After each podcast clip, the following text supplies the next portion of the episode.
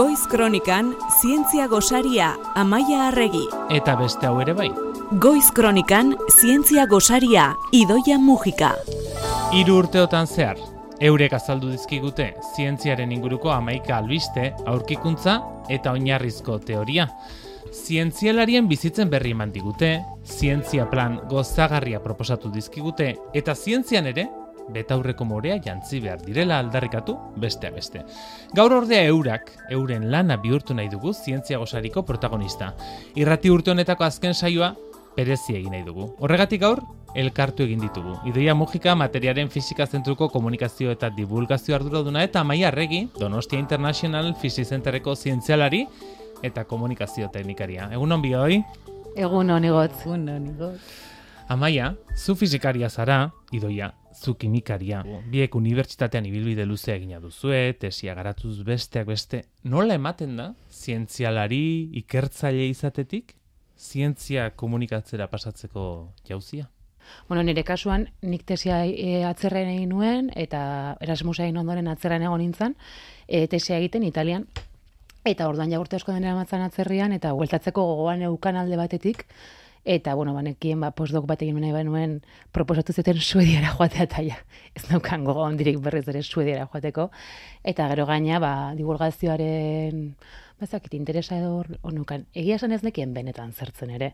Eta gainera azkeneko urtetan izugarri aldatu da divulgazio edo komunikazio zientifikoan lan egitea, lan postoiek sortzen joan dira azken urtetan da, eta gara jartan ez duen hain beste. Eta, bueno, ba, Bilbon parandatean lagun batek esan zen ba, lan postu da, arte nagusian desan ah, ba, orkestuko naiz eta hola Idoia? Ba, bai, nire ibilbidea ere desberdina da, baina nik ere doktora dut egin nuen, nire doktora dut hemen donostiko kimikako fakultaten egin nuen, eta aitortu behar dizuet, ba, gogorra izan zala, oso nekatuta bukatu nuela, urte asko izan ziren, eta azkeneko, gaur egon jaza gertatzen, baina gara joietan ez zanain ezoizkoa, azkeneko urtea soldatari gabe pasatzea. Eta orduan, idatzi nuen neinean, lan bat topatu nuen, eta atera zan, ba, pixkat, eh, amaiak esaten duena, norbait esan zian, jo, ba, zientzia museoan, lan postu bat atera dute, amatasun baja bat ekorritzeko, eta, esan, bueno, ba, jakizua, erko naiz.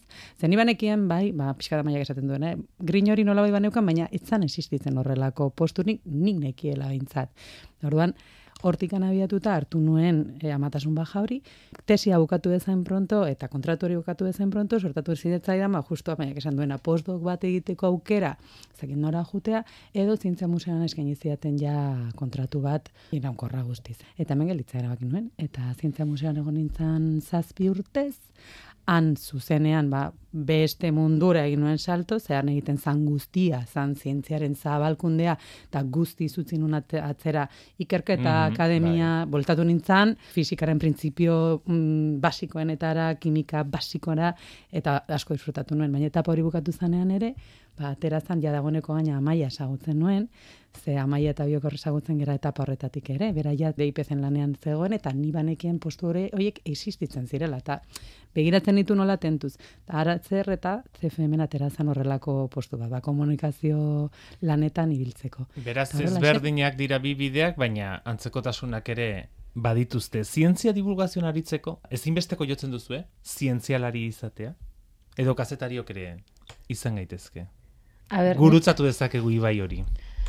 Bai, izan zaitezkete eta gaina badaude eta bikainak gaur egun, baina egia da komunikazio zientifikoa oso zabala dela eta eta segun ze publiko hori zuzendu nahi nahi diogun gure gure mezua edo egiten deguna, ba desberdinatzen daitekela. Guk egiten deguna igandetan publiko orokorrarentzat da. Bai. Nik kontsideratzen dut, ba kazetari batek ondo informatzen den kazetari batek ere egin dezakela lan hori, baina adibidez komunikazio espezializatuan sartzen zeanean, formakuntza bat edukitzeak e, asko laguntzen du. Desberdin du behar dago zerran komunikazioa eta zertza, zerran divulgazioa, ez? Azkenean divulgazioan ikusten da pixka bat, gogoz egiten ezun zerbait, zerbaitek interesatzen zaitulako. Orduan, gazetari batek gogo hori baldin badauk, adibide pia daude, zergaitik anezu lanon bat egingo, ezakik gai bat lantzen, bilatzen informazioa eta txukuna eta ondo egiten gai bat lantzea, baina gure lan egia da ikerketa zentroetan egiten dugun lana, pixkat hortaz aratago dijoa. Baten batein eri galdetu izan dit, zergatik antzera zu komunikazioa arduraduna ez badezu komunikazioa ikasi eta razoi guztia doka, baina zorionez zure bizitzan gauza batzuk ikasten joan zaitezke, ez? Eta ikasta ikasten badezu gaina profesionalak ondoan dauzkazula, ze itziarrotegi adibidez, gure lankidea da nanan bera komunikazioaren mundutik dator, eta gure postu berdinan dator, dago, baina berak komunikazioa ikasi zuen, ez da zientzialari. Orduan, topatu gera, ez, e, gurutzegune batean, bai. bakoitza bide bat egin da, baina azken finean interesatzen zaigun gaia diralako guri komunikazioa eta berari zientzia, ez, edo zientziaren mundua zabaltzea. Baina pentsa idoietan ere, ni argi eta garbi eduki zientifikoetan fizikari buruz hitzaiten gunan askoz dago sentitzen naiz eta bera askoz dago sentitzen da kimikari buruz hitzaiten. Hori ikasi dugu urte Nahiko garbi dago. Zuen egunerokoa gauza praktikotara joan ez. Zer betetzen dute? Irudikatu behar zaituzteko prentsa horrak idazten, bileretan, orain txepatu zu, bakoitza zuen zentruetako zientzialariekin izketan, konta eguzu pixka bat zuen egunerokoaren berri. Jo, ba, gauza desberdin asko ite ditugu berdi pezaren kasuan, bi bideoiek daude, zalde komunikazioa, eta, bueno, ba, er, sare sozialak erugu gramaten ditugu, webgunea, komunikazio internoa, eta gero dago divulgazio proiektua. DIPZ pro, divulgazio proiektu nahiko potente badauka, eta eta aktivitate asko antolatzen dira, eta proiektu horiek, ba, pentsatu egin behar dira, aurrera eta behar dira, oza, koordinatu ite ditugu proiektu horiek, hasieratik amaierara ino.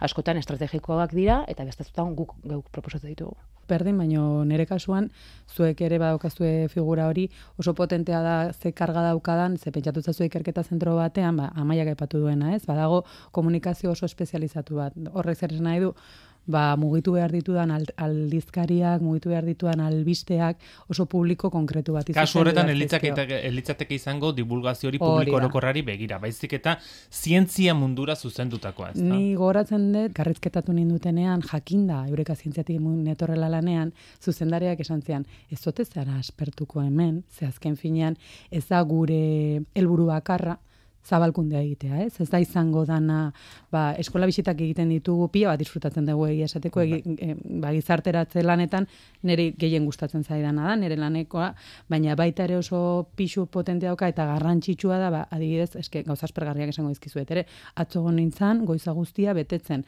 zesikeko inkesta bat, zezken finean indikatzaile batzuk eskatzen dizkigute zentro bezalori norbaitek egin behar du. Eta guzti horren kudeatzea datu guzti horren horren kudeatzea norbaitek egin behar du.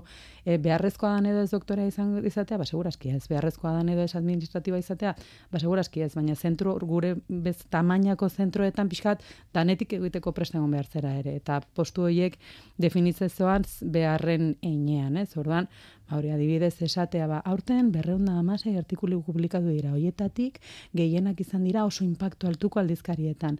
Hori ez da albiste bat gizartearen zat, baina gure komunitatean, bai administratiboki, bai ikerlari eberiei ezinbestekoa den lama da.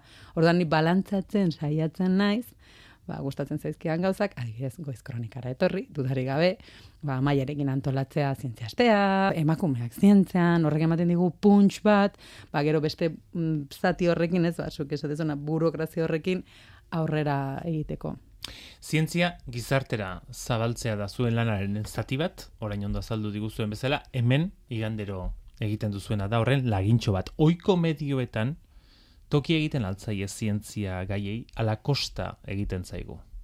Nire iruditzen zait gero eta gehiago. Komunikazio zientifikoan bederatzi urte dara matzat, eta nik ikusi dut aldaketa hundi bat. Ikusi duzu, evoluzioa. Bai, eta gainera esango duzu, nire ustez pandemiaz gerozti, mm, jendeak asko zere presentagoa da, bai, jendeak asko zere presentagoa daukala, eta divulgazio ere digokionez, ere, programatzailek e, eduki zientifikei gero eta horreta gehiago ematen dietela ikusi duela nik gure inguruan bintzat horrela da.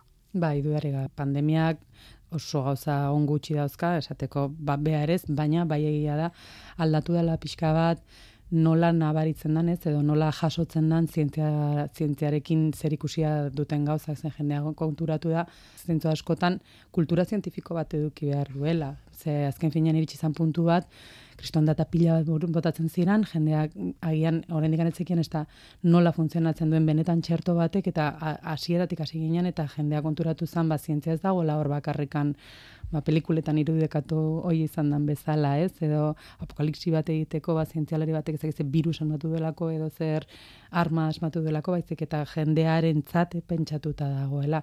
Nik uste asko aldatu dela. Baina egia da ere... Mm, egia da ere, bide bat oraindik egiteko dagoela nahiko berria dela, ez da zuek esan duzue, pentsa, eh? Eta biak oso gazteak zarete. Guk e, bukatu genuenean e, hori, oraindik e, planpostu hauek, e, divulgazioa zuzendutakoak, eta ez ziren hain ohikoak.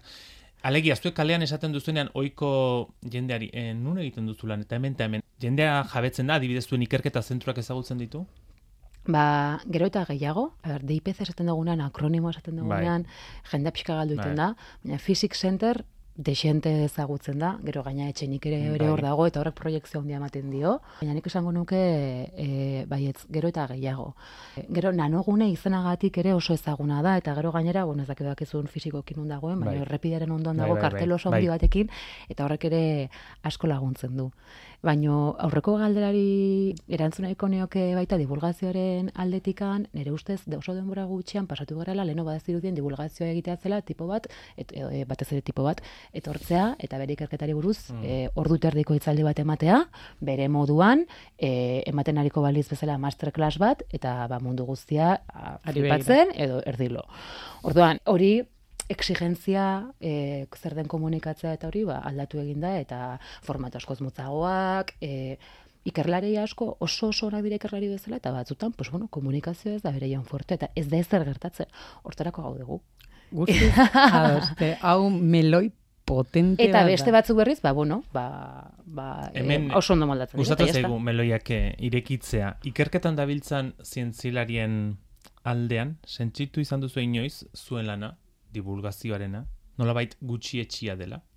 A ber, nik orokorrean ez. Jende gehiena, egia esan, zoragarria da, eta oso ondo zertatzen zaituz, eta gero baina niri ba, figura hori, ba, crack bat dena, baina gero kostatzen zaion esplikatzen horrela, niri personajeri pila bat gustatzen zaiz. Nire lanbidean, ba, e, oza, ezakit, ondo sentitzen ez, iruditzaialako lanbidearen lagun- balio, baliogarritasuna Hori da, hori da, ez? e, osea, lagundu diezeakela sentitzen dut, eta orduan ni, ni horreko oso ondo sentitu erazten hau, a ber, pues, ba, burrustiren bat denon jaso dugun bizitza honetan, ez?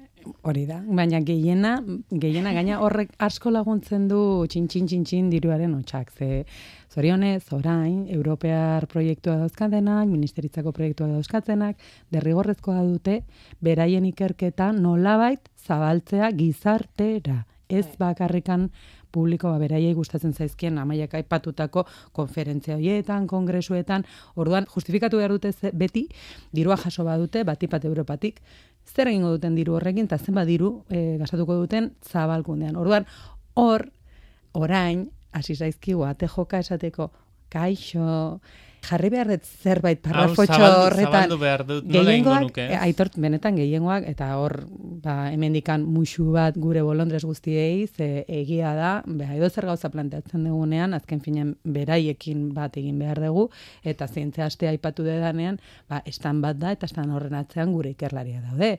Orduan hori bolondrez lan bada, eta eh, beti erantzuten dute. Eskola bisitak egiten ditugu, eta beti bati bat gehi, gazteak oso argi daukate.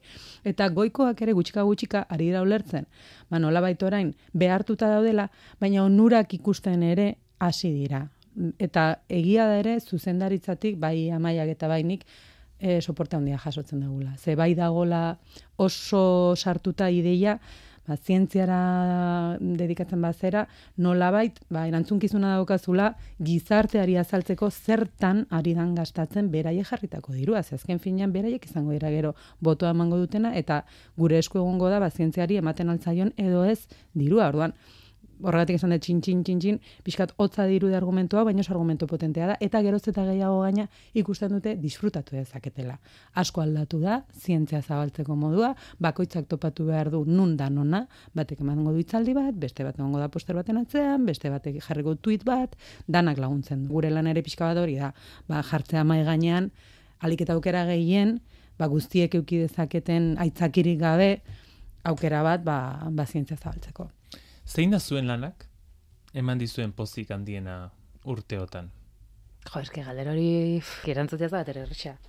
Kazetariak Eh, hola egia esango dizut, egia esango dizut, lan honetan izugarri ikasi dut, gauza desberdin pia eta imar izan ditut, eta nire hori asko gustatzen zait, niretzat erronka bat izan da. Hasieran hasi nintzen esan, jo, nibela emango dut. Da niretzako hori, ba, kriston gasolina da, gauzak egite, ondo egiten saiatzeko. E, hori alde batetik, eta gero gaina oso jende hona dukien nire inguruan, eta jende honarekin lan egiten baldin badezu, asko ikaste duzu, eta hori hori oso importante izan da niretzat. Eta gero gaina, jo, ba, tarte honi dago kionez adibidez, sentitzen dut, ba, fizikarekin pakeak egiteko pixkar mm. e, lagundu dizula. zeren atean nintzenean karretik, esan, uf, nik tesia ja, materialen ingenientzan egin nuen, experimentala egin nuen, eh? Salto egin nuen, negolako ja papera eta arkatzarekin ja pixkat erreta. Eta divulgazioak fizikarekin, ba, pixkat pakeak egiteko balio izan dut, eta hori eskertzen dut, zeren benetan polita da. Idoia.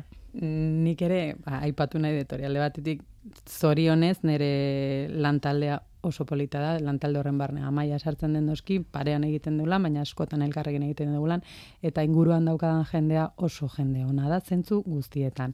Zuzendaritzaren apoio eukitzeare ezinbestekoa da, eta gero, ba, utzi dizkidatela, ba, nire lokura txikiak egiten. Gau batean okurritu zitzaidan Amonas Power egitea, dala main bat baino gehietan, eta Aipatu izan dugu. Bai, hori aipatu nek, osea, proiektu pertsonala bezala bestela, ba, amaiak esandako guztia, guztiz bat nator, azken finean gauza pila bat egiten ditugu, erronka berriak izaten dituzu, eta laguntza daukazu bidean, jendea esagutzen duzu, gure zentruetan jendea pila bat aldatzen da, ikerlariak oso maiz juten dira, eta beste batzuk etortzen dira, kontaktuak egiten dituzu, baina horrela, aipatzeko proiektutxo bat esaten dezuna, ba, museoan ere badaukat, nire, ni, nik egindako zerbait esaten dezuna, jo, hau erama, hau nik egin nuen, eta eta ez esateagatik nik egin nuen, baizik eta jose idei polita. Eta horrekin beti agoratzen naiz, eh, oso ondo funtzionatu zuen, eta funtzionatzen duen tailer bada. Orain, e, esperientziaren boterea ditzen diogu, eta azkenean da, ba, aukera bat ematea, edadun emakumei, plus berrogeita ama bostekoei, esateko beraiek ere kultura zientifikoa zabaldu dezaketela. Eta naiz eta ez,